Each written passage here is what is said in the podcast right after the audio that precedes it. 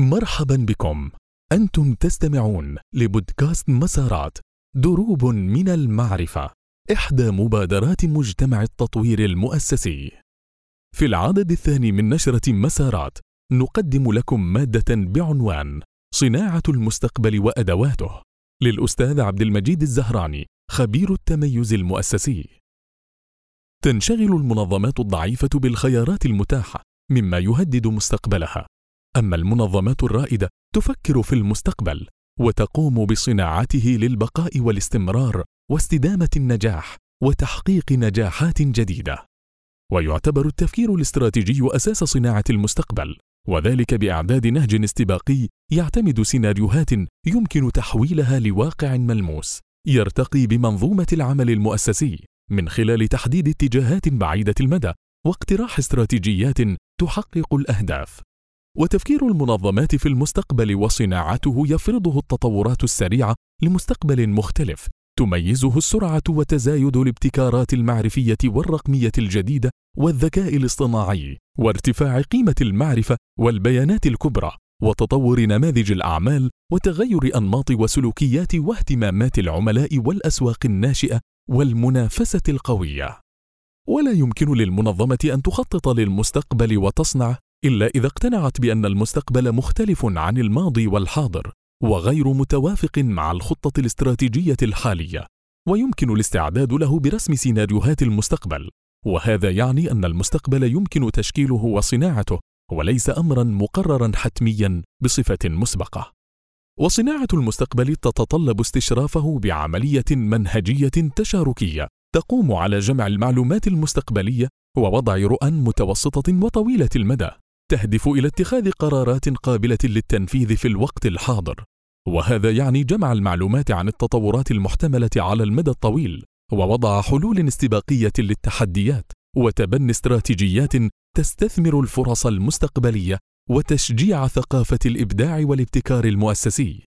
والتفكير الاستشرافي يتطلب معرفة أدوات الاستشراف وإتقان مهارات تطبيقها وخطوات تطبيقها بحسب مراحل الاستشراف. ومن أبرز أدوات استشراف المستقبل ما يلي تحليل أثر التوجهات.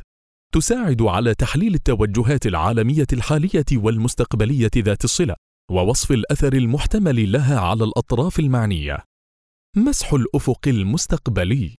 تساعد على تحليل أسباب ظهور التوجهات الحالية والمستقبلية ذات الصلة خلال المراحل الزمنية المتعددة.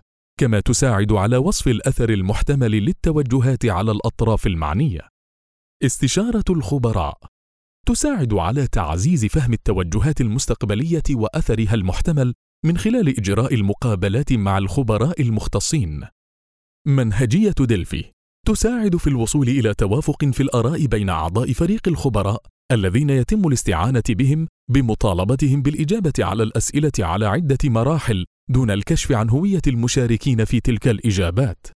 التنبؤات المستقبلية الكمية تساعد على استقراء المستقبل القريب باستخدام البيانات التاريخية السابقة والتحليل الإحصائي.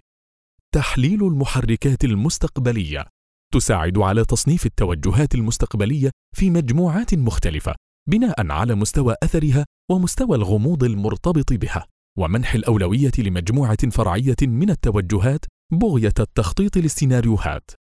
تصميم السيناريوهات تساعد على تحديد مسارات تفصيلية للصورة التي قد يبدو عليها المستقبل بالنظر إلى عدد من التوجهات والمحركات المستقبلية المختلفة. تحديد المعالم المستقبلية تساعد على تحديد الظروف التي تشير إلى ظهور سيناريو مستقبلي مختلف.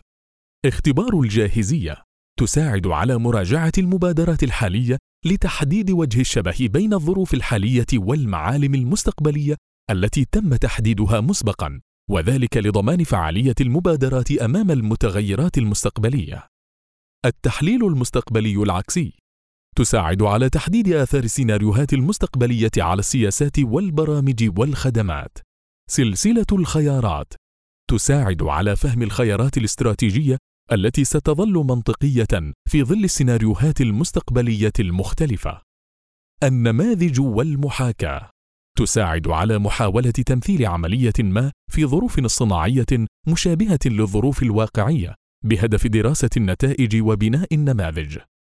استقراء الاتجاهات تساعد على إنتاج البيانات المفسرة لاتجاهات مستقبلية على أساس النمذجة والتحليل الكمي.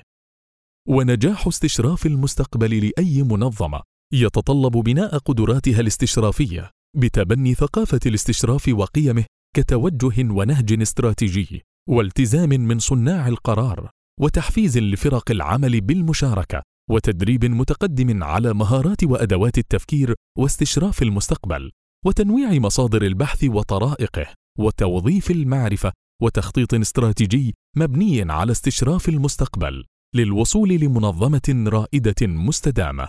تصنع التحول وتكون السباقة في ابتكار منتجاتها وخدماتها.